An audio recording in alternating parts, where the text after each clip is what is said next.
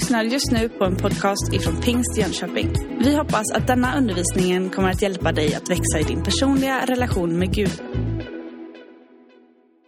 Kolosserbrevets tredje kapitel. Om ni nu har uppstått med Kristus, sök då det som är där ovan, där Kristus sitter på Guds högra sida. Jag ska försöka utmana dig och mig till att ännu mer ta tillvara på den tro som vi har. Jag uppfattar ibland att vi inte är rädda om den tron. Vi tar den för självklar, men den betyder mycket. Och det är tron som gör att vi kan leva detta liv, detta osynliga liv, samtidigt som vi lever ett synligt liv. När jag var ung i den här kyrkan, vet du, då kände jag mig som en som stod med en fot i världen och en liksom i Guds församling. Lite där och lite där. Och eldiga ungdomspastorer som predikar att du ska inte ha en fot i världen och en fot. Men jag har insett mer och mer med tiden att det är just det som är tricket. Att ha en fot i världen och ha en fot i Guds rike. Du vet, jag har ju försökt lära mig spela golf nu i ganska många år. För jag tänkte det är väl den sport jag möjligtvis kan ägna mig åt med mitt bollsinne. En liten boll som ligger helt stilla, det kan ju inte gå fel. Men tänk vad fel man kan ha. Hur som helst. Och jag har alltid goda vänner som hjälper mig lite grann. De säger ofta till mig, vet du, det som är viktigt vet du, det är att man har faktiskt tyngden på rätt ben. Och så är det när man lever det osynliga och det synliga. Att ha vikten på rätt ben. Och då tror jag att man ska ha vikten på det benet som är i himmelen. Man ska ha tyngden i sitt liv på det som är det osynliga, det som är tron mitt i det liv man lever här. Markus och jag hade förmånen att vara i Iran för ett år sedan ungefär. Det kändes som en förmån då, då, när jag kom till tullen i USA så var det inte lika förmånligt, men just när vi var där kändes det förmånligt. Så att vi pratade med en man som hade varit förföljd, fått fly, suttit fängslad för sin tro, kämpat, flytt ifrån ett fängelse med ett brutet ben, gått dagar och nätter för att fly och rädda sitt liv. Berätta om den förföljelse och berätta om att han fortfarande var så engagerad i att evangelium skulle nå till alla i Iran. Och det är klart, som svensk blir man då intresserad och jag ställde frågan till honom, vad är det som gör att du fortfarande håller ut och håller fast vid detta? Då sa han ungefär att ja, mitt hemland, det är himlen, sa han. Alltså fokus på det eviga, fokus på det osynliga i ditt och mitt liv gör att vi kan hantera det synliga med ny kraft och ny energi och nya möjligheter. Det som bor på insidan styr hur vi hanterar det som är på utsidan. Skönheten sitter i betraktarens ögon, har jag ju hört folk säga gång på gång när man tittar på obegripliga konstverk och så vidare. Men det är lite så med tron. Att det sitter liksom i dina ögon, i det du har i ditt liv, hur du ser på omgivningen, hur du ser på din tillvaro, dina gåvor, din förmåga, våra pengar, våra möjligheter, livets öppningar. Och jag tror att du och jag, vi kommer att leva ett mer fullödigt liv om vi har vikten på den foten som vi lever i, i det osynliga, tillsammans med Jesus Kristus i himmelen. Och därför så behöver vi gång på gång predika om himmelen. Och det ska jag inte göra idag, men en liten eh, vinkling här till predikanterna i församlingen. Att nu och då behöver man påminna om detta hopp vart vi är på väg, liksom, vad det är som vi har blicken fäst emot i våra liv. Ibland har du sagt att den som lever som en troende, och jag har ju hört det själv många gånger, att du som liksom är en kristen och en troende, du flyr iväg liksom. Någon slags light-variant av att det är ett opium för folket, som en och annan liksom har konstaterat genom historien. Min erfarenhet är totalt tvärtom. Du vet, det är de som tror på någonting som förändrar något i den här världen. Det är de som lever med en inre övertygelse, som gör någonting åt orättvisor, gör någonting med evangeliet, gör någonting med sina pengar, sina hem, sina liv. Det är inte de som flyr, utan det är de som lever med tro på Gud. Som förändrar någonting i den här världen. Så därför är det inte en flykt eller ett opium eller någonting som drar oss iväg ifrån det som är det verkliga. Men det är ibland en utmaning att leva i himmelen med sitt hjärta samtidigt som man lever här på jorden.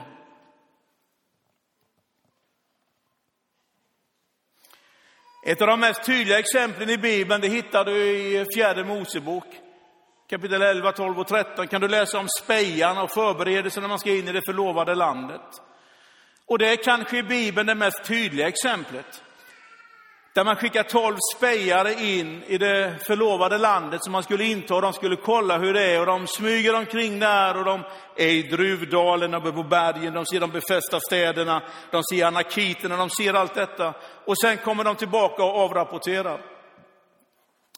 Då är det några stycken av dem som konstaterat, du vet när vi såg dessa stora städer och vi såg dessa stora människor, anakiterna, då kände vi oss som gräshoppor. Och de måste ha tyckt också att vi var som gräshoppor. Medan ett par andra konstaterar, om Herren är med oss, då blir de som en munsbit för oss. Vad är det som gör att man är på samma ställe, man är i samma dalar, man ser samma, samma möjligheter, man ser samma människor, man lever i samma verklighet, men man drar helt två olika slutsatser. Du vet, det har bara att göra med vad som bor i insidan på en människa. Det har med tro att göra. Och därför ska du vara rädd om din tro. Du ska utveckla din tro, du ska odla din tro. Du ska be, läsa Bibeln. För du ska veta liksom att det som kommer på insidan, det som byggs upp här inne, det kommer att hjälpa dig och mig att besegra världen. Och där ställer Johannes en sån retorisk fråga. Första Johannes brev och kapitel 5 så beskriver Johannes någonting av detta när han skriver, ställer en fråga där. Han säger i vers 5 i första Johannesbrevets femte kapitel. Vem kan egentligen besegra världen utom den som tror att Jesus är Guds son? Vem kan besegra denna värld utom den som tror att Jesus Kristus är Guds son? Det vill säga att våran tro, det är inte bara en tro liksom, där vi tror på våran tro. Vi är inte bara visionära och pionjärer liksom allmänt och har liksom någon slags uppheppning på insidan. Utan det som besegrar världen, det är våran tro på Jesus Kristus. Det är han som är det stora, det är han som är själva objektet, det är han som är det stora i din och min tro. Det är inte vår egen förmåga, utan det är hans förmåga och hans storhet. Och det är därför man kan vara vacklande själv i sitt eget liv, men ändå få tro stora ting. För att det har inte med mitt eget liv och min egen förmåga att göra, utan det har med hans förmåga och hans kraft. Och det är det som händer Paulus när han kommer till Korint. Han säger, när jag kom till er, då var jag livrädd. Jag var full liksom utav eh, förtvivlan. Jag visste inte vad jag skulle göra. Han talade om att det enda jag ville veta av, det var Kristus, den korsfäste Kristus. Det är som att när han kommer dit så är han så rädd och så orolig, så hans enda förhoppning, det är att kramla sig fast vid detta kors. Som var rest på Golgata där Jesus Kristus vinner en evig seger. Det är som att han ställer sig liksom i korsets skugga och tar skydd av det Jesus har gjort i sitt liv. Så att leva av tro, det är inte att bli uppumpad liksom och plötsligt bli liksom en motivator som liksom visionerar och liksom alltid liksom står fram och talar de stora orden. Utan att leva av tro, det kan vara ett, ibland ett litet vacklande liv. Det kan ibland vara ett liv liksom som inte bygger på ditt eget självförtroende, din egen storhet, eller att du har rätt efternamn, eller kommer från rätt familj, eller att det är någonting annat, utan det handlar om någonting helt annat. Det är nästan som att Paulus säger att när det spricker i mitt eget liv, då blir tron som starkast. När jag är svag, då är jag stark. Så famla inte bort tron i ditt liv. Var inte så upptagen med det som är på jorden så att du förlorar det som är det himmelska. Var inte så angelägen om det du ser här och nu så att du glömmer bort att det finns en annan verklighet som förvisso är osynlig, men det är en verklighet. Så odla din tro om du vill besegra världen. Odla din tro om du vill ha kraft när det knakar i äktenskapet. Odla din tro om du vill ha kraft när barnen blir svårt sjuka. Odla din tro om du vill göra någonting åt livets orättvisor. Odla din tro om du vill betyda någonting för de människor runt omkring dig. Var rädd om din tro om du vill betyda någonting i den här världen.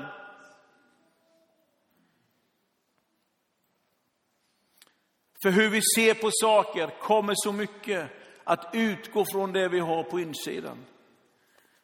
Och det är därför, eller därför, jag vet ju inte varför, men jag tänkte säga att det var därför Paulus skrivit i Efesierna, det vet jag ju faktiskt inte om det var därför, men jag tänker mig att det var bland annat därför. Det finns säkert någon som kan korrigera det här så småningom. Helst inte idag i det här mötet, men så småningom. Därför säger Paulus till Efesierna i det första kapitlet. Jag tackar därför, när du har hört om er tro på Herren Jesus Kristus och er kärlek till alla de heliga, då kan jag inte sluta tacka Gud för er när jag nämner er i mina böner. Jag ber att vår Herre Jesu Kristi Gud, härlighetens far, ska ge vishetens och uppenbarelsens ande så att ni får en rätt kunskap om honom. Jag ber att era hjärtas ögon ska få ljus så att ni förstår vilket hopp han har kallat er till. Hur rikt och härligt hans arv är bland de heliga och hur oerhört stor hans makt är i oss som tror, därför att hans väldiga kraft har varit verksam. Jag ber att ert hjärtas ljus, att det ska hända någonting där. Det är en skön tanke att tänka att vi har de här ögonen. Men vilka konsekvenser de här ögonen kommer att göra i vårt liv, det har med hjärtats öga. Det har med den inre synen. Det har liksom, på vilket sätt liksom, det liksom får sitt perspektiv i vårt inre liv. Så än en gång, låt oss inte bli så upptagna med det som är här på jorden, så vi förlorar det som är vårt signum, det som är det finaste, det som är själva kraften, dynamiken i våra liv. Tron på Jesus Kristus som Guds son. Och den som tror det besegrar världen. Så jag vet inte vilken uppförsbacke du har framför dig. Men det är inte säkert att krångligt på din arbetsplats bäst löses med att du försöker liksom snacka med jobbarkompisarna eller försöka liksom curla på något sätt. Det kan hända faktiskt. Det bästa du kan göra det är att gå till Gud med ditt problem. Jag tycker det är fascinerande hur mycket som händer när man ber till honom. Man böjer sina knä på kvällen eller man knäpper sina händer när man går och lägger sig. Förvånansvärt ofta så är det bättre på morgonen när man vaknar. Det är som någon har hållit på under natten. Typ. Alltså Gud att andas detta, att leva med detta. Att inte bara låta tron bli en snuttefilt som jag drar fram och tröstar mig med lite grann när det är lite svårt och folk är orättvisa. Utan det är en dynamisk kraft på insidan. Det är ett inre öga, det är ett ljus som jag bär på, som gör att jag ser perspektiven i livet på ett annat sätt. Jag lever ett osynligt liv tillsammans med Kristus i himmelen, samtidigt som jag vandrar på den här jorden. Jag vet att mina verkliga värden, de är där. Min stora verklighet, den är där, men jag lever också i den här verkligheten. Jag lutar alltså tyngden i mitt liv på rätt fot i det jag gör.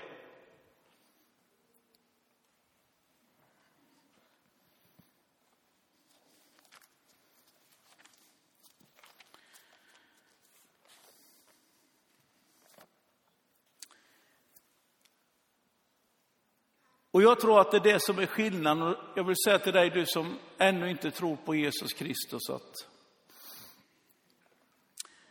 jag tycker du ska öppna ditt hjärta för Jesus.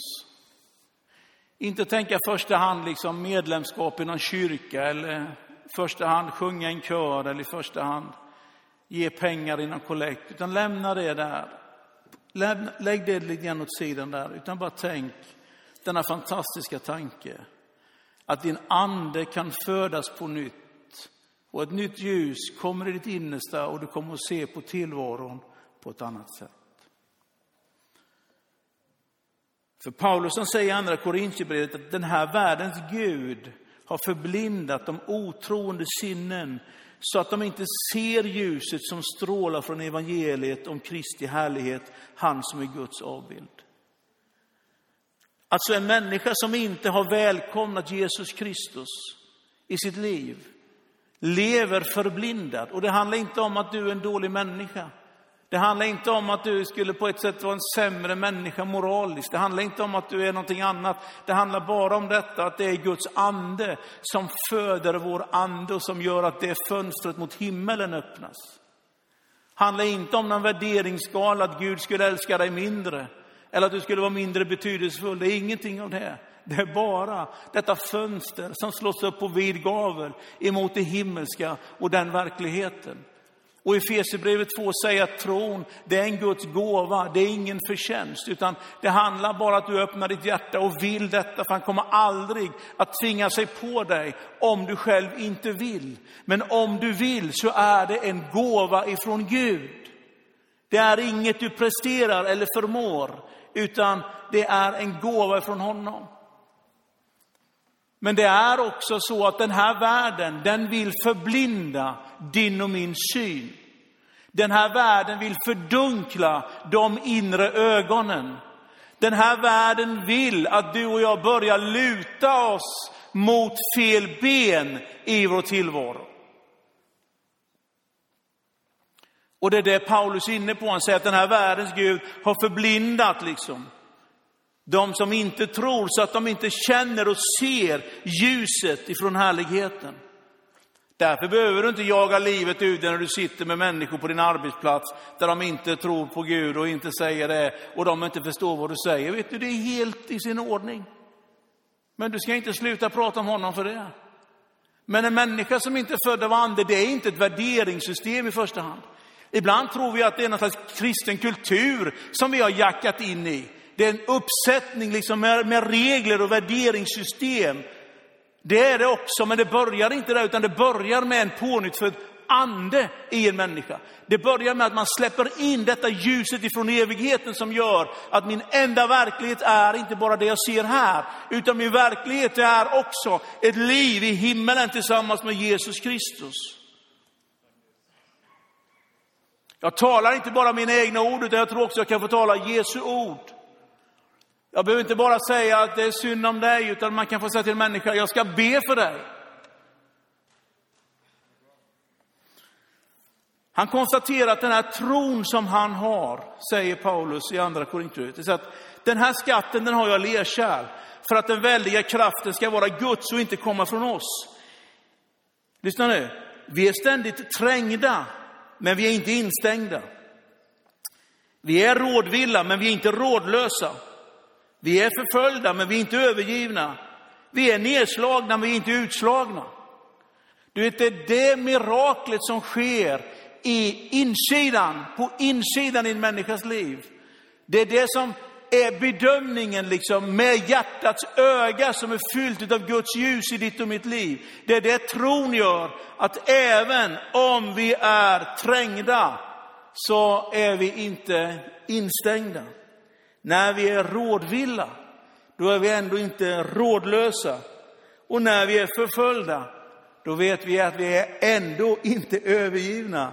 Vi må vara nedslagna, men vi är inte utslagna. Det gör tron i en människas liv. Tron gör att en människa reser sig. Tron gör att den dörren är stängd då prövar jag med den dörren. Den är också stängd, då prövar jag med den dörren. Tron gör att du står inte där och surar och tänker varför öppnar den sig inte? Utan tron gör att det går att komma vidare. Det går att fortsätta. Och när backen är brant så går det att lägga i en växel till. Och alla som haft förmånen att vara missionärer och haft en någorlunda vettig församling bakom sig, som har fått eh, köra i fyrhjulsdrift några år med två växellådor, vet att det finns alltid en låda till att slänga i. Vet du. Det finns ingen backe som är så lerig utan man tar sig upp där. Det står inte i Bibeln, utan det är mina egna erfarenheter. Och hamna i en riktigt besvärlig lerig backe eller genom en flod och få gå ut och dra på diffarna, i med lågväxellådan och i med etta, vet du. Och bara känna att man är king liksom på gatorna. Det är fantastiskt. Men det är något liknande som händer med tron. Du vet, det finns någonting mer att slänga in liksom i livet. Som inte bara har med det jag ser, utan det har liksom med ljuset ifrån evigheten. Det har med kraften ifrån Jesus i mitt liv att göra. Att jag reser mig upp. Och därför ska vi be för dig som idag behöver mer tro i ditt liv. Inte mer tro för att du ska pumpa upp dig, utan mer tro för att du ska kunna besegra världen. Inte mer tro på din egen tro, utan mer tro på Jesus Kristus. Och det är ett andens verk och han kan göra någonting på insidan i ditt och mitt liv så att vi kan ta oss igenom det vi behöver komma igenom i vårt liv.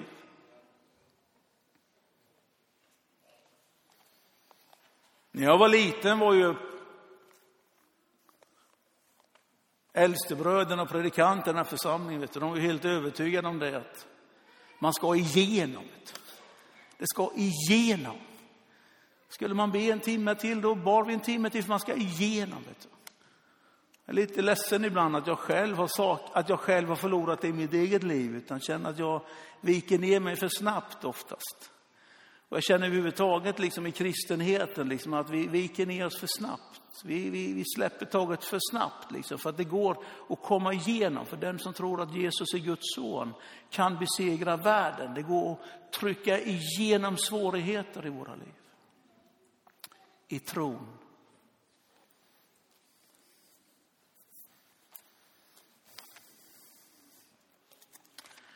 Ibland har man en känsla av att de som tror mycket, de blir lite mer von oben, kan man säga så.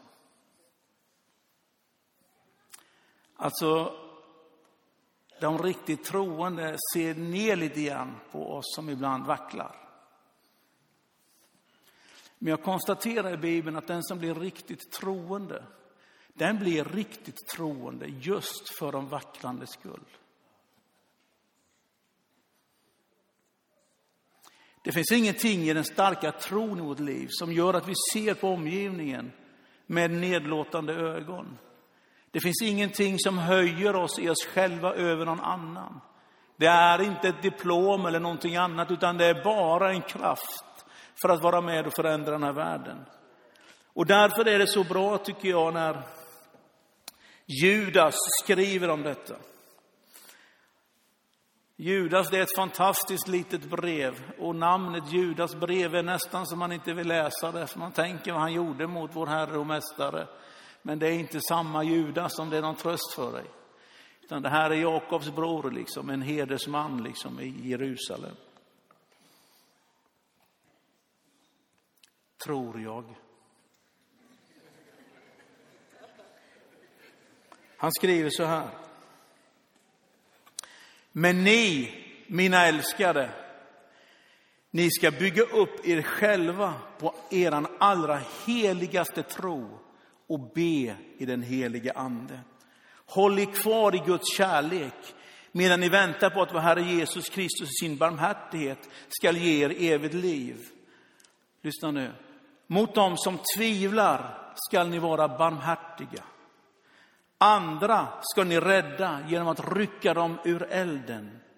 Och andra ska ni vara barmhärtiga mot, fast med fruktan, så att ni, så att ni till och med avskyr till och med deras kläder som är nersmutsade av köttet. Alltså, ni ska arbeta på er allra heligaste tro. Ni ska låta det växa. Varför? Jo, så att ni kan vara barmhärtiga mot dem som tvivlar så att ni kan rycka den som vacklar ur elden. Så att ni till och med kan vara barmhärtiga mot dem som har kläder som moraliskt har totalt sölats ner. En människa som har gärningar som du avskyr. Tron kommer att hjälpa dig att älska den människan. Tron kommer att hjälpa dig att vara barmhärtig mot den som lever ett liv som du tycker är avskyvärt. Tron kommer att hjälpa dig att vara barmhärtig i den här världen som Jesus var barmhärtig och gav sitt liv för alla människor. Tron kommer inte att göra dig till någon slags liksom uppumpad liksom stinn. Ja, jag slutar där. Jag känner att slutet på den allegorin, den blir inte bra. Va? Men i alla fall. Tron kommer att göra dig barmhärtig mot den som tvivlar. Att odla sin allra heligaste tro kommer att göra dig barmhärtig mot den som du behöver hjälpa till att rycka ur elden. Den kommer till och med att göra dig barmhärtig emot den som lever ett liv och gör gärningar som du avskyr i ditt liv. Och jag tänker det är bara tron på Jesus som kan göra det. Det är bara där det miraklet finns. Det är bara där man kan se på kärlek till en människa som gör så mycket ont eller gör livet så svårt för oss. Och det är därför Jesus säger att älska din fiende, be för den som förföljer er. Om någon tvingar dig gå en mil så gå två mil. Om någon vill ta din skjorta så ge en manteln också. Du vet, det är i tron på Jesus Kristus som det miraklet händer i en människas liv. Och det händer när vi lever ett osynligt liv tillsammans med Kristus i himmelen, samtidigt som vi lever detta synliga liv på jorden.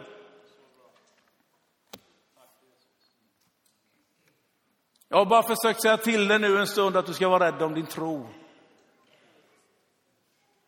Och jag har försökt säga till dig, du som ännu inte har tagit emot Jesus Kristus, så är du förblindad. Inte för att du är en dålig människa, utan för att den här världens Gud gör det mot den som inte är troende. Och därför ska du öppna ditt hjärta till frälsning. Välkomna honom att bli född på nytt, bli född av helig ande. Glöm alla de andra i paketen och att du inte vill bli en pingstvän eller en missionare eller någonting annat. Lämna allt det. Utan bara bestämde för att öppna fönstret på vid gavel emot himmelen.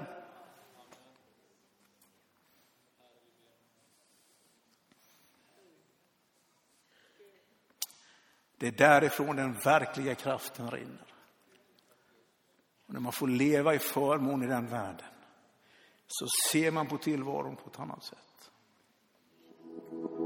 Du har just lyssnat på en podcast ifrån Pingst Jönköping. För att få reda på mer om vilka vi är och vad som händer i vår kyrka så kan du gå in på pingstjonkoping.se eller följa oss på sociala medier via pingstjkpg.